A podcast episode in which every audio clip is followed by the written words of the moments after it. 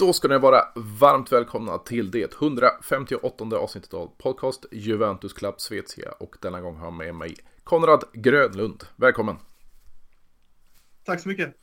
Det är ju en äh, återkomst då, för du var nämligen med i avsnitt 38, så det är ju 120 avsnitt sen, så det är väl äh, dags då när, äh, när Juventus och Inter ska drabba samman. Ja, precis. Och, och eh, som jag minns det så var det väl mitt i sommaren under eh, brinnande EM, va?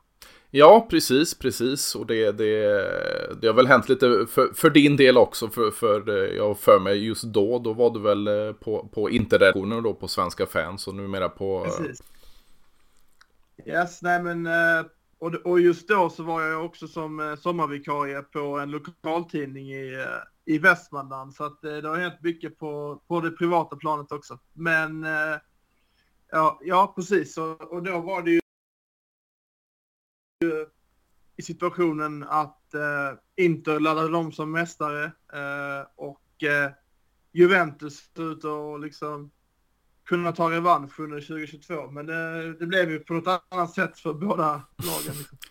Minst sagt, det, det, det har ju hänt en hel del i båda våra klubbar och eh, jag tänkte att vi, vi inför då söndagens Derby d'Italia ska snacka upp lite, lite matchen då och sen så har vi ju även ett, ett dubbelmöte då i, i eh, Coppa Italia efter eh, landslagsuppehållet så det, det blir ju tre, mm. tre av våra italienska derbyn på, på ganska kort tid. Ja, yes, så det är de bästa matcherna så att eh det blir ju spännande på många sätt. Ja, precis. Jag tänkte vi, vi, vi kan väl börja med, med de senaste resultaten då. Vi fick ju, eller jag åtminstone fick ju se mitt Juventus då vinna mot Sampdoria med 4-2 igår. Men, men, men, man trasslade till det ganska rejält eh, efter en 2-0-ledning och sen så fick ju du se ditt Inter då i fredags åka på en, en förlust mot Spezia. Hur, hur eh, känner du formen inför eh, söndagens drabbning? Eh, ja du, det är eh, väldigt oklart. Eh, jag tycker att just den här matchen, inte har förlorat rätt så många matcher, till och med åtta stycken under säsongen. Och eh, eh, av alla de här förlustmatcherna så är det väl den här matchen som man kanske spelade bäst. Eh, och eh, för en gångs skull, jag tycker många gånger att, att man är platta och, och, eh, och förtjänar att tappa poäng. Men den här matchen gjorde man faktiskt inte det.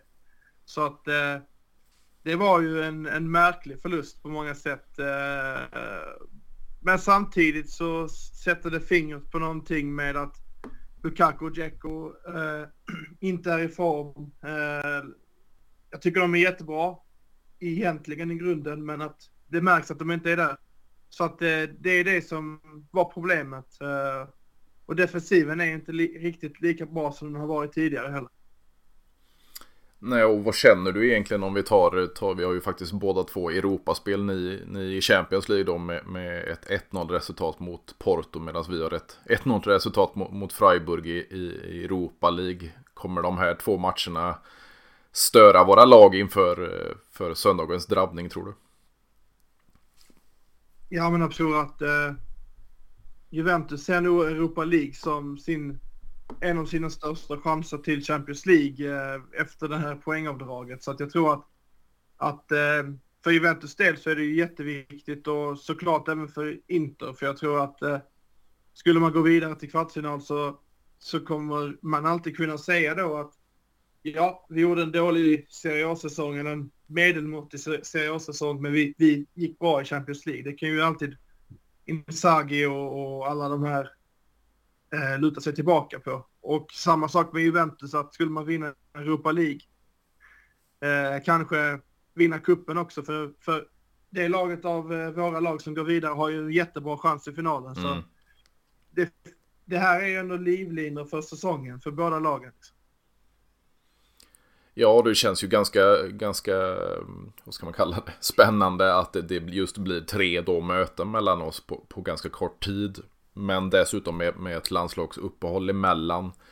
Eh, tror du söndagens resultat kommer även ja, komma in på Coppa Italia, Coppa Italia möten i, i eh, ska man säga, med motivation från, från eh, ligamatchen.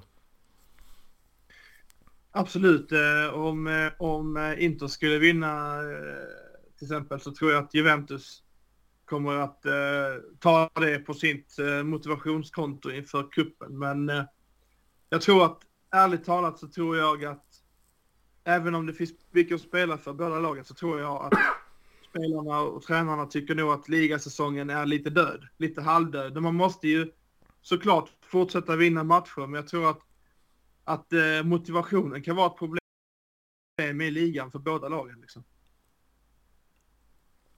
Ja, precis. Och det, det, det är ju ganska mycket, vad ska man kalla, skriverier nu just nu i dagarna också med, med det här poängavdraget som du nämnde. Tror du att Juventus kommer få tillbaka de här minus 15 poängen?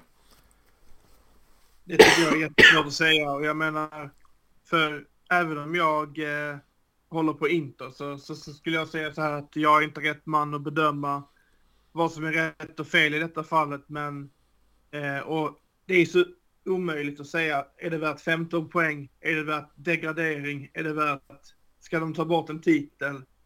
Alltså sånt, det är omöjligt att värdera. Däremot så tycker jag att stämmer det så tycker jag att man ska bestraffas. Så, eh, ja, vi får väl se och jag hoppas att, att det utfallet blir rättvist och att det inte bara blir eh, dömt på... Eh, ja, jag vet inte hur bevisläget är helt enkelt, men om, att det blir dömt på rätt sätt. För då, eh, det tycker jag man ska straffa. Så det spelar ingen roll om det skulle vara min klubb eller om det är eh, Cremonese eller vad som helst.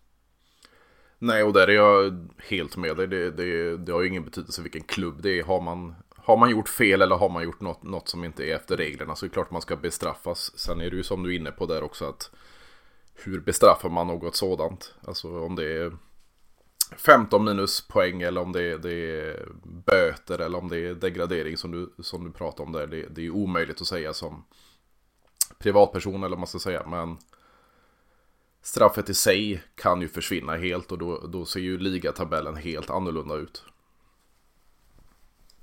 Ja, precis. Och, och, eh, och, eh, ja, om det är rätt, eh, det är inte jag rätt man att bedöma. Sen så kan man ju tycka att dina lyssnare kanske tänker att ja, du vill säkert det. Ja, mm. kanske lite grann. Men, men framförallt så tänker jag att, att man ska inte dömas på vad media skriver och på hur strömningarna är från andra fans och sådär. Även om jag tycker att det är rätt att folk är arga över det så det är inte det som ska avgöra utan det är, det är en rättsprocess som måste av, bedöma om, om Juventus har gjort sig skyldiga till någonting och i så fall så tycker jag att både individer och eh, klubben ska bestraffas för det. Men det gäller som sagt även om det skulle gälla mitt eget lag. Jo, men det är klart man måste se, försöka se så objektivt som möjligt på, på en sådan situation. Sen tycker jag att eller anledningen till att Juventus har blivit straffade det är ju på grund av den digniteten på, på affärerna. Så det är ju många klubbar som varit involverade i de här. Plus Valenza, men, men Juventus verkar ju ha gjort det av, av störst dignitet och att man dessutom har eh, telefonavlyssningar på, på Juventus-direktörer. Så det är väl inte så smidigt eh, hanterat av, av klubbens direktörer heller. Eh, och det är det därför som, som Juventus har blivit drabbad och inte alla andra klubbar. Eh, sen tror jag det är många klubbar som håller på med, med, med samma sak både i Italien och i andra länder. Men, eh, ja, man, man, har inte skött det speciellt snyggt i, i Juventus gamla ledning. Nej, precis. Och, och eh, det, det som eh, jag ändå vill lägga in här. Och och jag vill akta mig för att det, det, ska inte låta som ett försvar. Men, men jag tror att det har väldigt mycket med det här med superligan, Premier League, eh, pengarna som kommer där, pengarna som uteblir för italienska storklubbar. Jag menar, Inter, Milan, Juventus, de, de eh, tillhör, eh, åtminstone de tre tillhör ju världstoppen när det gäller historia och storlek och sådär på olika sätt. Medan då en klubb som Bournemouth har mycket mer pengar och kan buda bort Milan ur en diskussion om mm. Saniolo. Och, eh, en sån balans som blir skev eh, och gör att eh, liksom det går knappt att jämföra ligorna längre för att eh, det finns inte samma spelregler och det finns inte samma liksom, spelplan. Det är som att man spelar på olika eh, gräsmattor med olika många bollar. Det är, liksom, det, det är ojämnt. Jag ska inte säga att det är orättvist för att marknaden är ju det som bestämmer, men det är ju ojämnt. Och eh, jag tror att det driver italienska klubbar och, och även spanska till att fuska. Eh, för det finns ju indicier som tyder på att det sker även i Spanien, mm. även om jag inte kan slå fast att det är så. Nej, men man, man ser ju på allting som, som uh, sköts, eller hur det sköts i italienska klubbar och spanska klubbar. Vi, vi har ju allt med, med Barcelona, den senaste rapporteringen då med, med potentiell korruption och uh, tidigare när man har sålt av Eh, ja, framtida tv-studiorättigheter och så vidare med, med, för att få ordning på, på den ekonomiska delen. Vi har väl ett Real Madrid och med Florentino Perez som, som eh, det var väl att han, han byggde ut eh, Bernabeu med sitt eget byggbolag och, och, det känns ju som de flesta stora klubbarna i dessa länder ja, fifflar lite hit och dit med pengar men man ser ju även sånt i Premier League då som du nämnde med, med en större skattkista med, med ja, avslöjande kring, kring bland annat Manchester City den senaste tiden så det är, det är en stor obalans i, i den eh, europeiska topp, eh, toppnivån av fotbollen. Ja, verkligen. Och, och, jag menar, det beror också på de här intäkterna som Premier League har. Att eh, alla skulle vilja ha likadana intäkter. Alla ligor skulle vilja ha det. Så att, eh, skulle skulle liksom den europeiska fotbollen bli lite mer jämn. Och det är liksom, som sagt, det, det, det handlar ju om marknad och, och där är ju, ser jag, usla. De, de, har ju varit dåliga på att sälja sin produkt och mm. de har varit dåliga på att eh, bygga upp ligan och modernisera.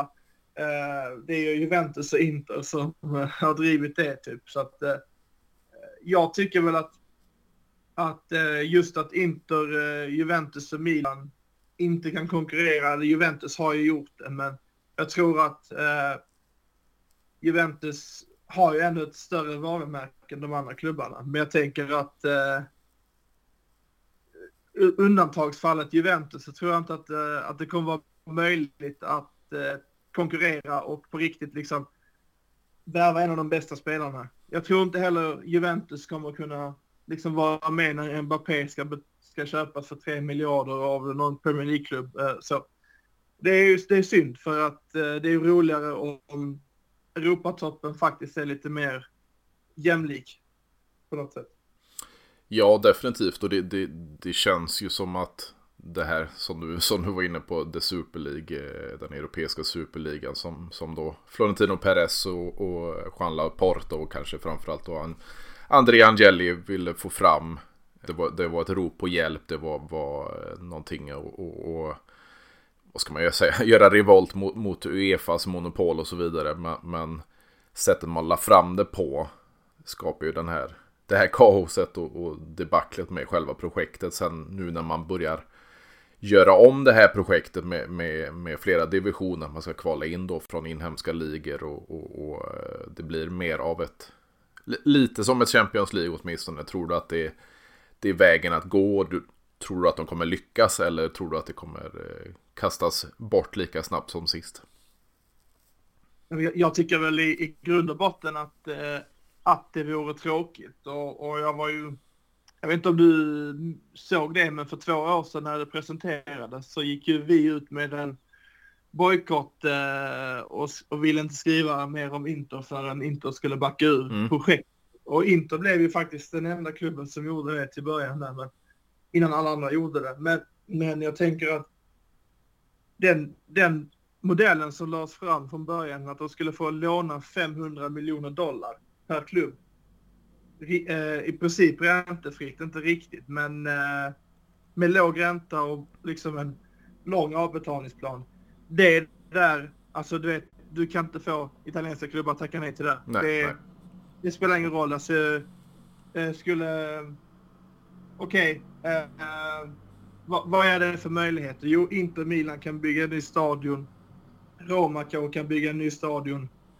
Eh, Neapel. Jag vet inte om det någonsin kommer hända där nere. Men, eh, men eh, du förstår, det ger så mycket möjligheter. Och, och eh, jag, jag tror att eh, från deras sida och La Ligas sida så tror jag det är omöjligt att stoppa det. Eh, att, att någonting sånt händer. Eh, åtminstone att det blir liksom en stor revolution där de får mer pengar och sådär. Det, det är ju lite synd också när man tänker på svensk fotboll och, och andra mindre ligor att det är ju de som kommer att få eh, känna av den effekten också. Till slut. Vad, vad, tänker du om just det här med, med jag tänker på, på vi har ett ägarskap då med, med familjen Angeli som, som eh, firar 100 år i år som, som, som eh, ägare av klubben. Ni hade tidigare en, en Masumi Moratti då som, som styrde länge i den klubb. Numera är det då kinesisk Suning och så vidare. Hur ser du på den här med, med utländskt ägande och inhemskt ägande idag? Jag tror jag ställde frågan till dig när du var med för 120 avsnitt sedan. Men, men hur ser du på det idag? För det är ganska mycket problematik med, med även just Suning-ägandet också. Precis, och då 2021 så var det ju eh, aktuellt eh, just det faktum att Inter var tvungna att göra en plus Valenza på x antal miljoner euro. De, de gjorde ju det. De gick väl plus 150 miljoner euro något sånt där på mm. att bara sälja två spelare. Och man fick in Dumfries och Dzeko och några till nästan gratis. Så på så sätt är det ju liksom tänker du ekonomiskt eh, och marknadsmässigt jättebra fönster. Absolut, men du ser ju när säsongen avgjordes, det var, eh, var det en poäng upp till Milan. Liksom. Mm, mm. Och eh, det var många matcher där målen inte gick in och sådär. Och, och, man tänker, ja, alltså hade man lagt eh, 200 miljoner till på, och så, här, och så här, man köpte i Korea såklart, men det var ju en, ett stort misslyckande. Hade man kunnat få utväxling på honom, det var ju väldigt nära en, en ny titel som, som hade gjort stor skillnad för, för klubben med Uefa-rankning och allting. Men det är ju det, det har bara blivit eh, senaste åren liksom mindre och mindre pengar. Det har blivit stramare. Det har blivit eh,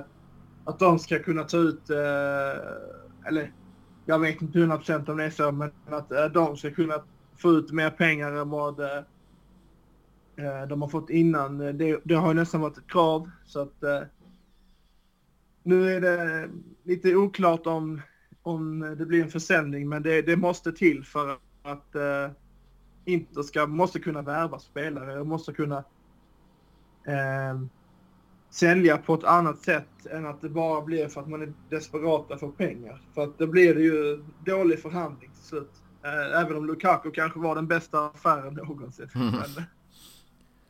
Men, men eh, så att summa summarum så är ju Inter i, jag tycker sportsligt, truppmässigt jättebra händer, men när det gäller, och tränaren liksom, man kan diskutera mycket, men helt, helt OK.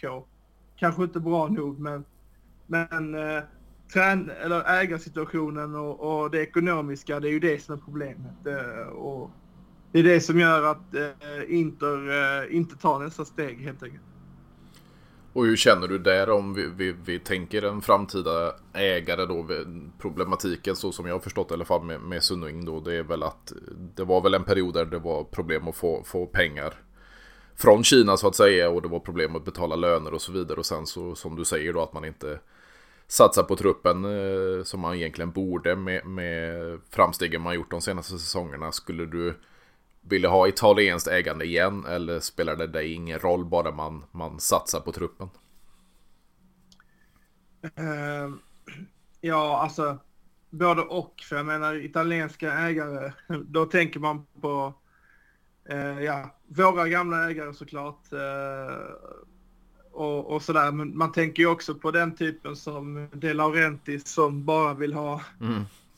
bara vill tjäna pengar på klubben och, och Eh, man tänker på de här kaosägarna eh, i Genova och Palermo som eh, kastar tränare åt höger och vänster. Jag tror att liksom, det viktigaste är väl att eh, ha en ägare som, som eh, kommer med en, liksom en ödmjuk inställning till att jag, jag kanske inte tjäna pengar direkt utan eh, det kanske tar tio år och, och det kanske, det kanske är fel tid att prata om och hylla Abramovic. Det känns ju mm. som en dålig tid rent så. Men det som var hans kanske största behållning, det som man kommer ihåg honom för. Utöver de här, det här kaoset som är idag, det är ju att han var faktiskt eh, en tålmodig ägare som, som eh, inte krävde en personlig, eh, personligt liksom, Eh, ekonomisk vinning av det hela tiden. Det var inte det som var det viktiga för honom.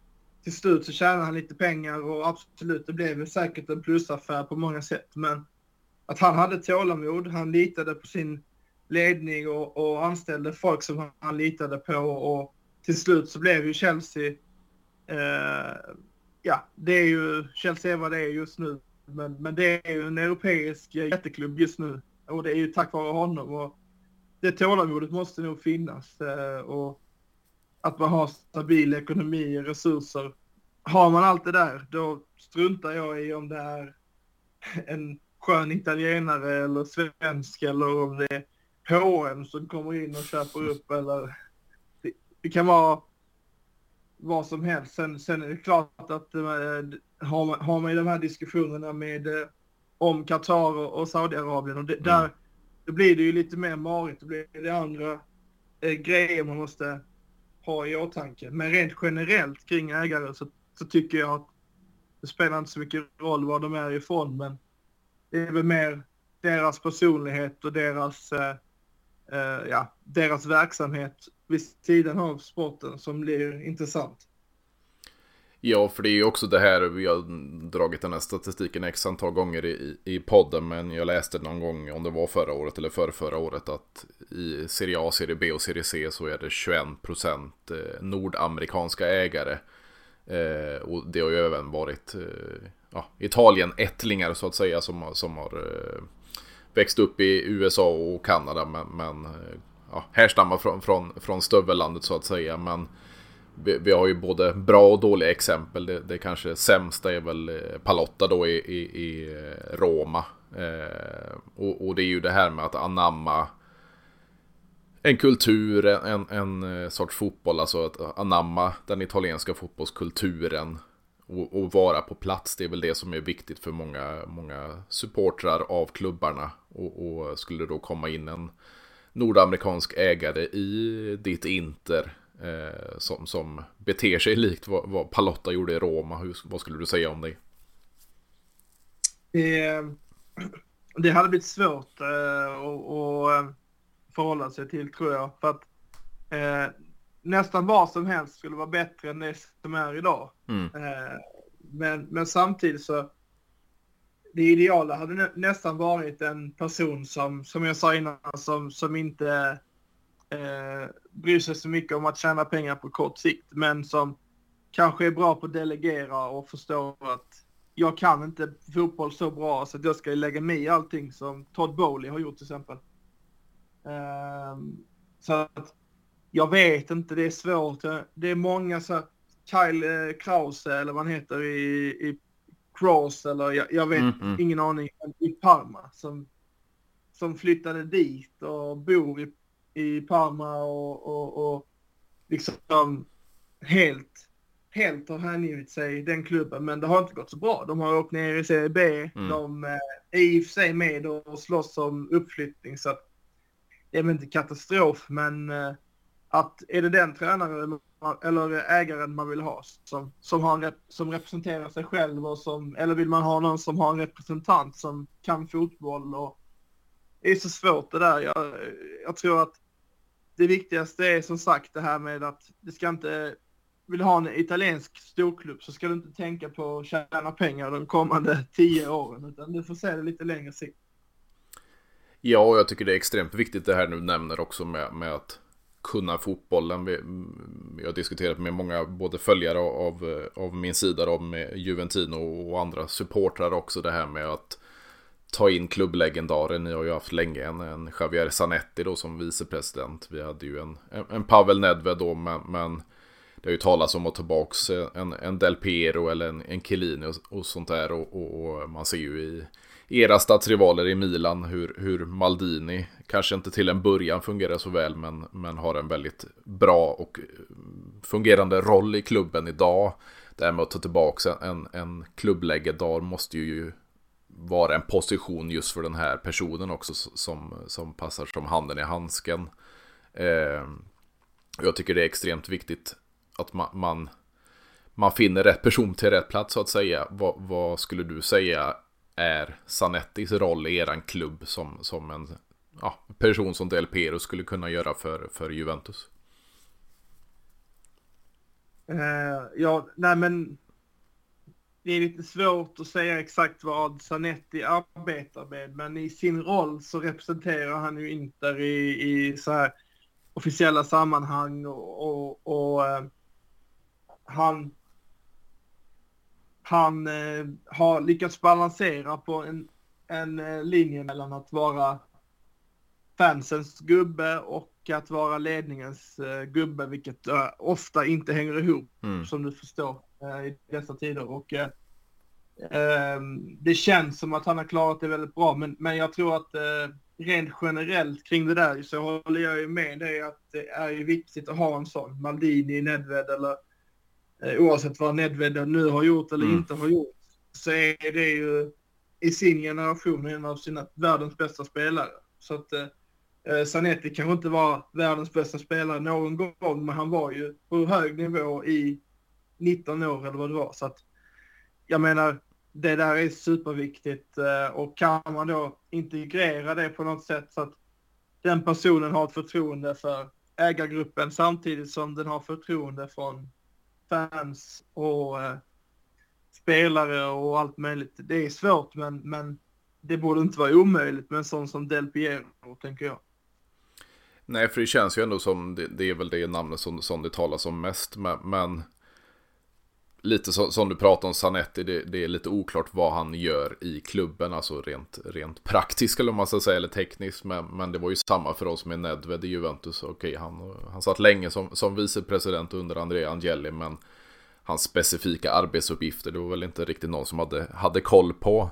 Och, och eh, talas det väldigt mycket nu när, när våra styrelse sa upp sig från, från eh, sina, sina jobb och, och, vi fick in en ny styrelse att vi då skulle få in någon med fotbollskunskap i, i, i den nya ledningen och det skulle kunna vara Del Pero men, men då skulle ju han vilja göra sin, sin röst eh, hörd också och, och ha specifika arbetsuppgifter som passar han. Eh, och, och, det känns ju som, utan att att veta exakt då vad, vad Sanetti gör och, och eh, så är Inter att han har ju kommit in i, en, i rätt roll så att säga, precis som Maldini i Milan då. Men, men eh, det är nog svårt att, att specificera för, för eh, respektive person. Ja, jag, jag, jag, tror också där med president och vice president och allt möjligt i, i ägar... Eh, I, så här, ehm, företagsägda klubbar så tror jag att det där blir presidenten och vice ska bara Eh, sen jobbar de säkert, de jobbar säkert 100 timmar i veckan, vad vet jag, men jag menar att, att där, det handlar om att synas och höras och eh, vara bra fönster ut liksom. Men, eh, men jag vet inte vad jag tycker för att eh, när det gäller alltså, Italien är ju väldigt speciellt. Det, jag menar så som Del Piero och Maldini och Sanetti, nu säger jag samma spelare, men det är de tre som man tänker på kanske mm. omedelbart. Sådär. Buffon möjligtvis. Att de, Italien kommer de alltid utnyttjas på något sätt. Pirlo kan man också lägga till där. De, de kommer, även om han skulle totalt misslyckas som tränare, han kommer ju få någon roll någonstans. Alltså man vet ju det för att det namnet, det kommer aldrig falla i glömska och det är kanske en en, en sak som man är bra på här i, i eller här, men i Italien då. Mm. Att eh, ta vara på sina legender. Och jag tror att eh, att de är bäst, kanske bäst på det, det är en stor fördel för italiensk fotboll. För att eh, i England ser du hur eh, Birmingham försökte göra med eh, Maxi Lopez. Liksom. Mm, mm. Noll koppling till Birmingham City. Eh, om jag får vara fördomsfull så har han kanske på sin höjd mellanlandat i Birmingham. Typ. Så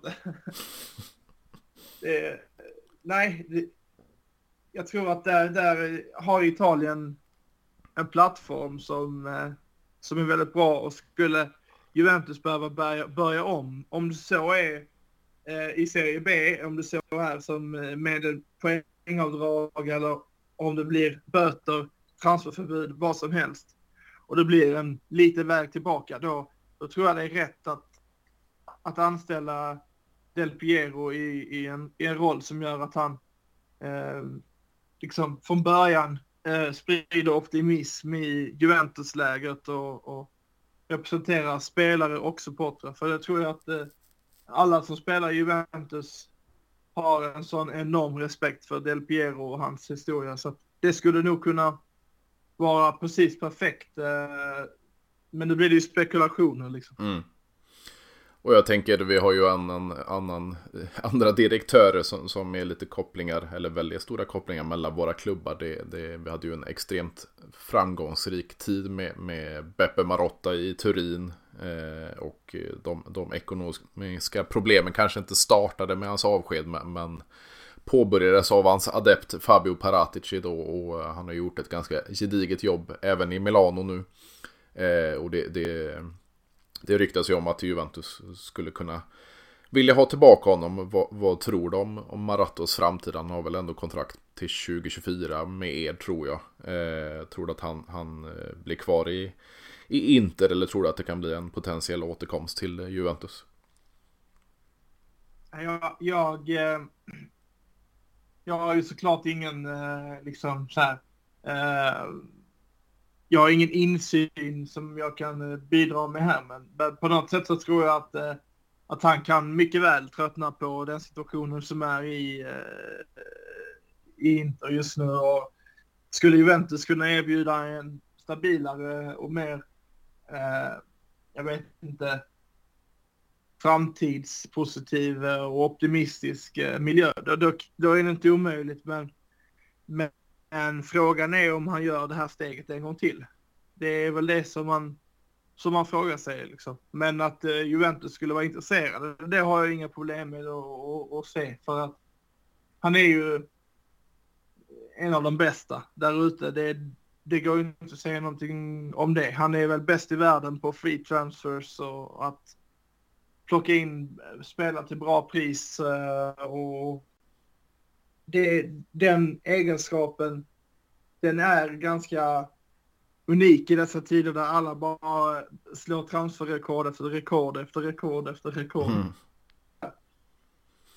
Och, och, eh, vi har ju faktiskt en annan... Man ser ju hur Paratic har gjort nu i Tottenham. Spenderat rätt mycket pengar. Jag tycker inte att han har gjort det dåligt, men eh, i grunden tycker jag att det är okej värvningar. Men, men de har spenderat väldigt mycket pengar och de har kommit, ja de går nästan i sidled.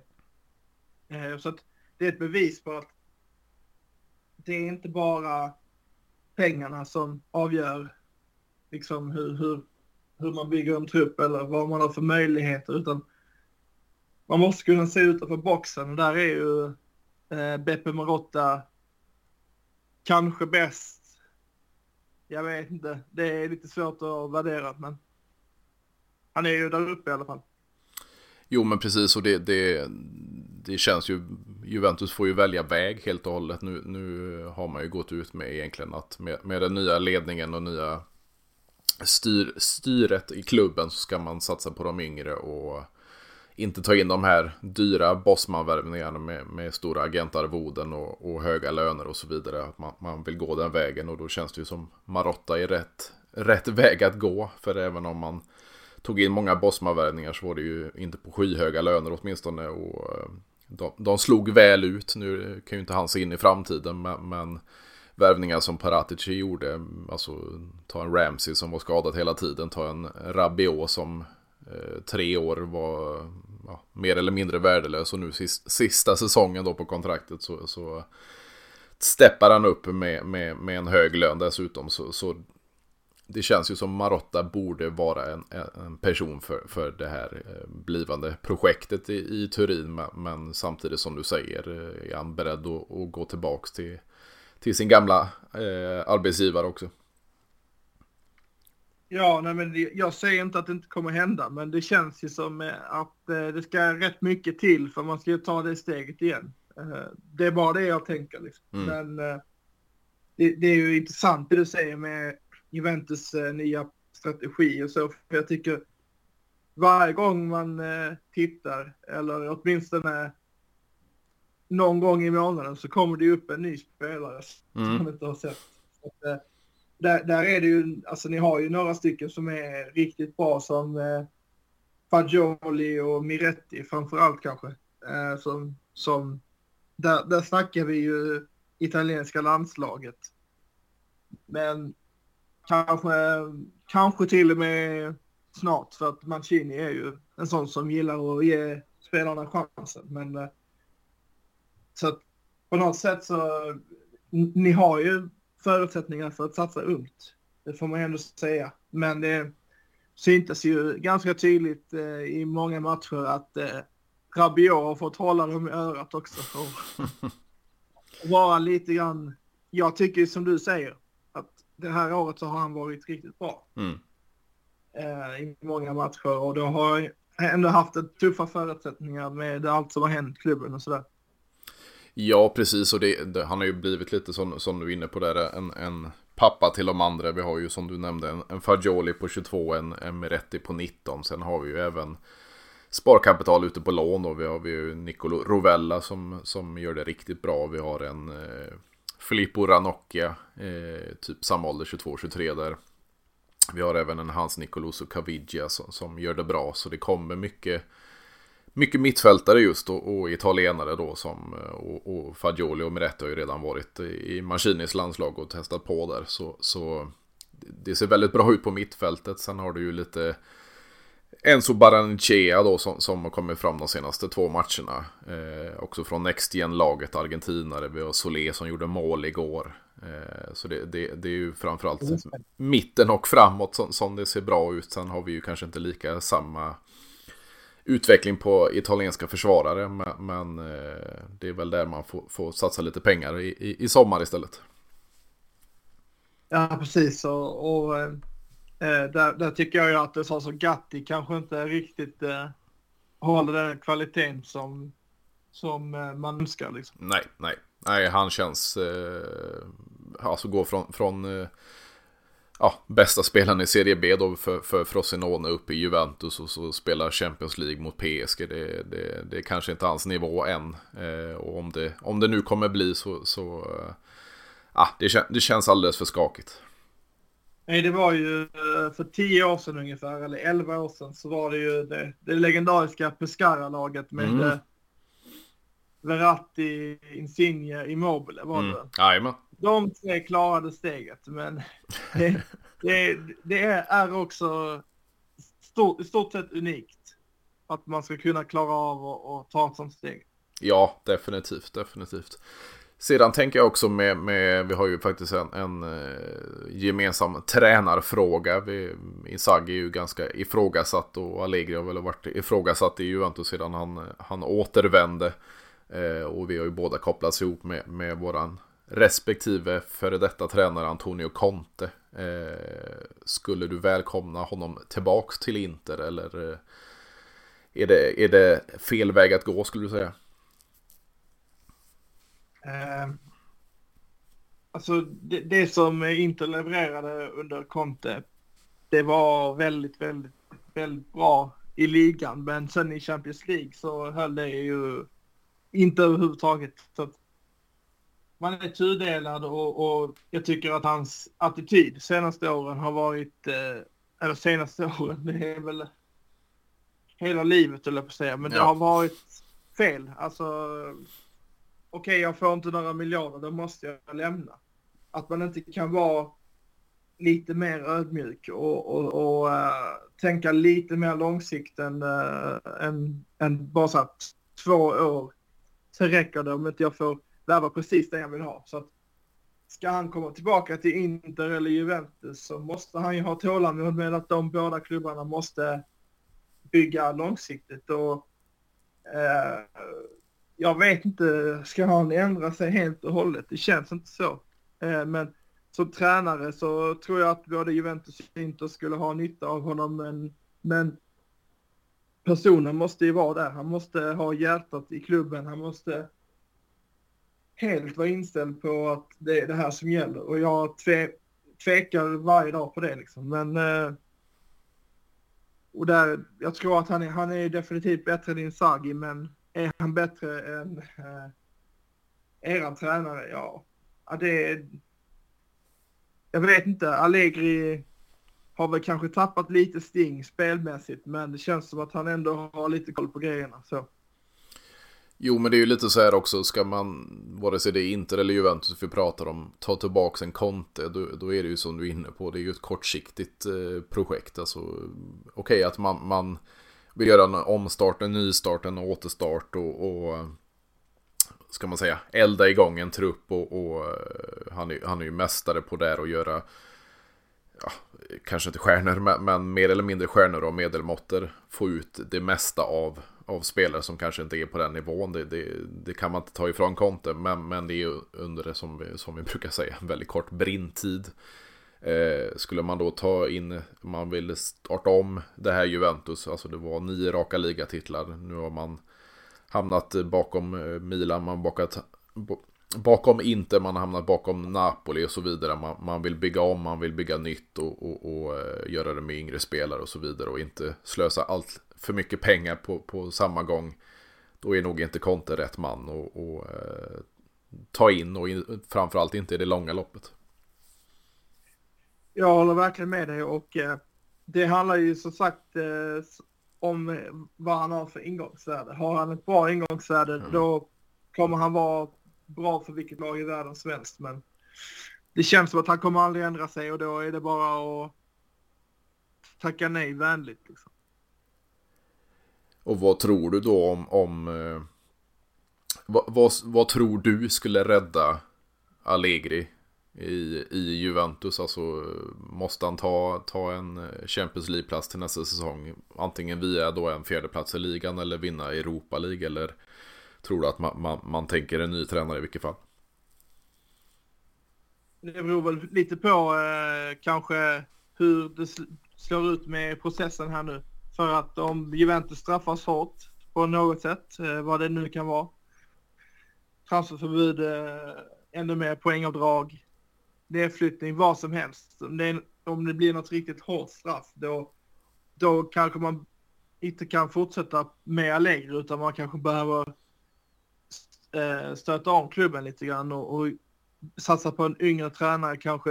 Nu gissar jag bara, men mm att det tror jag att skulle det vara ett stort bakslag för klubben, då tror jag att eh, Allegri kanske blir lite för ambitiös för Juventus. Men eh, om, om man klarar sig undan och eh, det läggs ner eller att vi säger att eh, två personer döms, eh, ni får en liten böter, eh, kanske ett litet poängavdrag men inget större än det som ni har nu då tror jag att eh, varför inte köra vidare, tänker jag. Jag, jag, vet, jag förstår om ni andra tycker i Juventus-supportrar tycker annorlunda med spelmässiga och så, men jag tänker att Juventus just nu behöver ju oavsett vad som händer i sommar och i vår så behöver man ju bygga om antagligen mm. så att ja, det är jättesvårt att säga. Allegri är ändå en ja, det, det, är svårt att säga det just nu, men, men jag tycker att han är en riktigt, riktigt bra tränare och eh, ja, ja, alltså den personligheten han är, det känns ju helt rätt för att få ordning på Juventus, men samtidigt så kan jag förstå jag alla invändningar kring det spelmässiga som däremot har blivit lite bättre med, med tiden här nu, men eh, ja, jag vet inte vad du tycker liksom, men, men eh, där landar jag nog liksom lite grann. Ja, lite två, två sidor om myntet gällande Allegri. Alltså det, det är klart att det, det är fruktansvärt. I största, största procenten så är det väldigt eh, tråkigt att kolla på hans fotboll. Eh, diskuterade till och med gårdagens match mot Sampdoria, alltså när man, man går upp till en 2-0-ledning. Vi är inte vana att se bara den delen från från start av Juventus så att man går upp med, med, med, hög press och spelar lite rolig fotboll. Men sen att man släpper in två mål på, på eh, en minut mer eller mindre. Eh, det, det, säger väl allting om, om, om, den tråkiga fotbollen. Sen så man spelar bakåt, bakåt, bakåt hela tiden. Det, det är inte... Det, det, är en defensiv, destruktiv fotboll och det är inget roligt att, att, att titta på.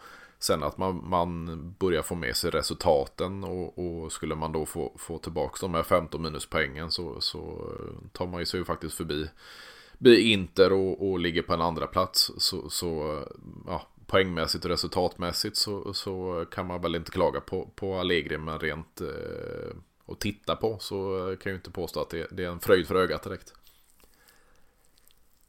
Nej, och, och det, det kanske är någonting som eh, som man får kompromissa med framöver ifall det skulle bli en tung äh, omstart för Juventus på, mm. på något sätt så är det kanske spelmässiga det minsta problemet. Men ja, jag, jag vet inte, jag, jag håller med verkligen om alla dina reflektioner för att det, det är ju det är ju den, ja, jag vet inte vad jag ska säga den bästa, men det är en av de bästa tränarna i Serie A de senaste mm tio åren och, och ja, kanske den bästa. Eh, Conte vet jag inte vad jag tycker för att han, han, det är ju som sagt ingen kontinuitet i honom så att eh,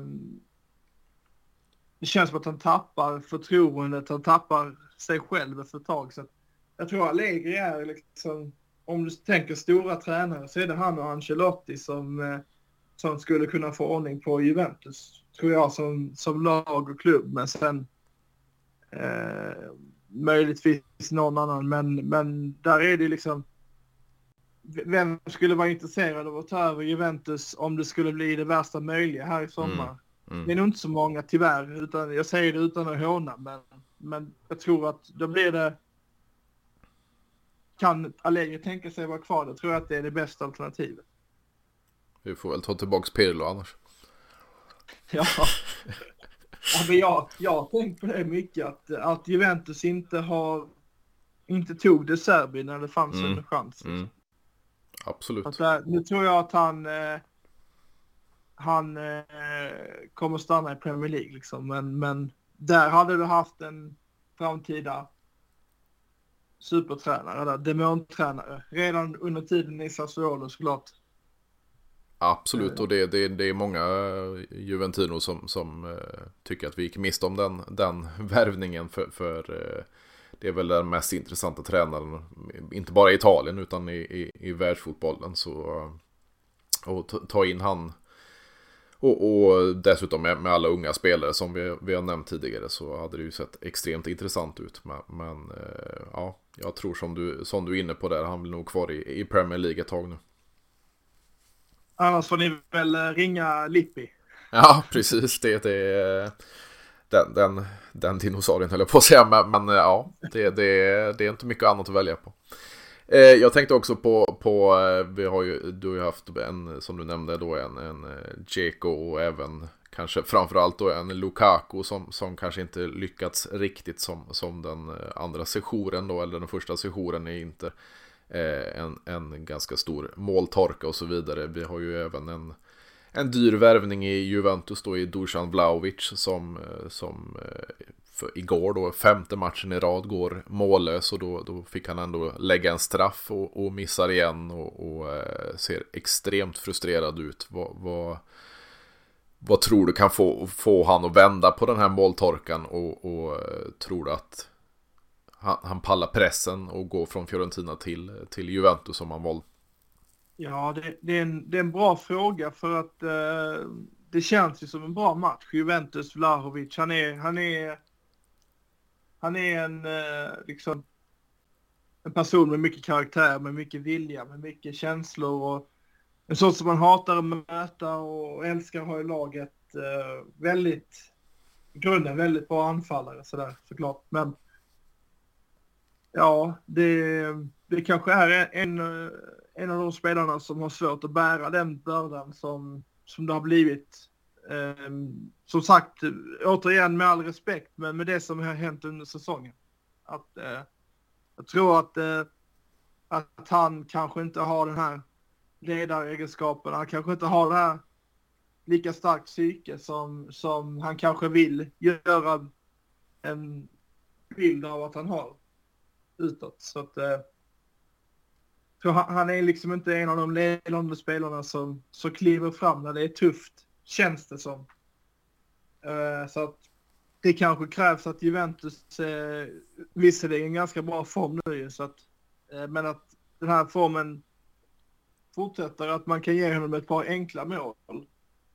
Typ eh, om vi säger att eh, Di Maria går fri och sen så ger honom en, ett eh, öppet mål med målvakten. Liksom. Så, eh, kanske den typen av mål de kan få honom att få allting att, att lossna. Men, men eh, i grund och botten så är det ju lite av ett mysterium. Eh, frågan är om han inte skulle gått till eh, Tottenham, Arsenal och den typen av lag egentligen. I England. Mm. Jo men det känns ju ändå som, som, eh, som du sa att han, han, han, det kändes som han passar perfekt för Juventus när han kom. Men, men ju längre in vi kommer sen. Det är klart han hade mycket problem med det här sportbrock och, och så vidare. Och han, han spelade ju knappt innan VM och sen så kom han väl in, var det i andra matchen i VM och så vidare.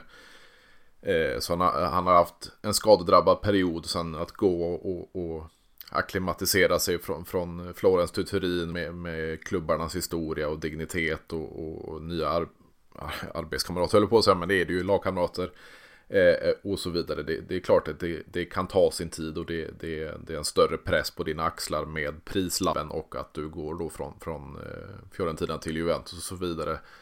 Men, men det kan ju inte pågå hur länge som helst heller. Eh, nu, nu har det ju passerat ett år sedan han kom till Juventus också. Så, så han bör, måste ju börja prestera. Sen, sen kan det ju vara så här att ja, han får in valja sig mot er. Och sen så lossnar det totalt. Man, man, man, man vet ju aldrig med, med sådana här spelare. Måltorka kan ju brytas och sen så öser, öser anfallaren in mål helt plötsligt. Så, så vi kan väl inte sätta ett kvitto på, på hans tid i Juventus än, men, men det börjar, börjar sakta men säkert bli lite oroande för, för eh, oss Juventino. Nej, men jag håller med, men, men det, som, det som jag tycker att man ska glömma i det här fallet är ju att det, det är en nia. Det är en nia, det är inte så många som är det idag. Mm. Jag tror att även om Kentins mål att leverera, men jag tror att Juventus kan ändå få ut rätt mycket pengar av honom mm. i ett sommarfönster om man skulle känna att ah, men det här kommer inte lossna. Jag tror att eh, det man har investerat i Vlahovic plus lägg till någon hundra miljoner till, absolut, kan man få tillbaka från en Premier League-klubb. Mm. Och, så att jag tror att oavsett om det kanske blir en, eh, inom situationstecken, en inte så lyckad värvning så tror jag att man kommer få tillbaka sin investering oavsett. Men det gäller ju att, att eh, ledningen har lite fingertoppkänsla och antingen våga satsa på honom hårt och sen avgöra att ja, men det här kommer inte lossna eller så, så får man helt enkelt att eh, köra vidare med honom oavsett om det lossnar eller inte och få bita i det sura äpplet sen när eh, av, avtalet går ut om några år. Men jag tror liksom att den måltorkan han har haft lite grann under säsongen, det kommer ju inte vara i år och efter år, utan fortsätter den under våren, då kommer säkert eh, Del Piero och vara hemma hos honom varje dag mm. i sommar och slå bollar till honom så han ska kunna liksom få ordning på den grejen. För att jag tror att för en klubb i Serie A att få en sån spelare den kvaliteten han har, den potential han har i den åldern, då ska, med tanke på vår eh, plats i näringskedjan, så tycker jag att Juventus ska fortsätta satsa på honom ändå.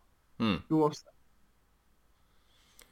Och eh, lite på tal om en annan spelare lite snabbt. Eh, som vi kanske, eller vi inte kommer få igen eh, det vi har, vi har lagt på honom. Vi, vi fick ju se en Paul Pogba gå skadad när han la frisparkar på träning. Eh, nu läste jag här för, för några minuter sedan att det, det sägs vara 20 dagar borta. Nu börjar det bli lite väl eh, patetiskt med, med fransosen. Ja, det, det, ja, det, det är en väldigt märklig människa det där. Mm. Han kan vara världens gladaste och ha ett underbart kroppsspråk, eh, spela fantastisk fotboll och sen helt plötsligt så några år senare så är det så att det är en zombie som, som eh, går runt där och, och jag, jag, jag, är lite förvånad faktiskt att det blev så här för att eh, jag trodde att det här skulle vara precis den flytten som skulle återuppliva hans eh, karriär och sådär. Mm, så att, mm. nej, det, jag, jag förstår det inte. Sen eh, det, frågan är vad Juventus kan göra. Var, var kan man skeppa en sån spelare? Ja, det blir svårt. Det, det kanske är... eh, Jag, jag vet inte, det, det känns ju som att man är, man är nere i, i Gulfen och, och vandrar då. Mm.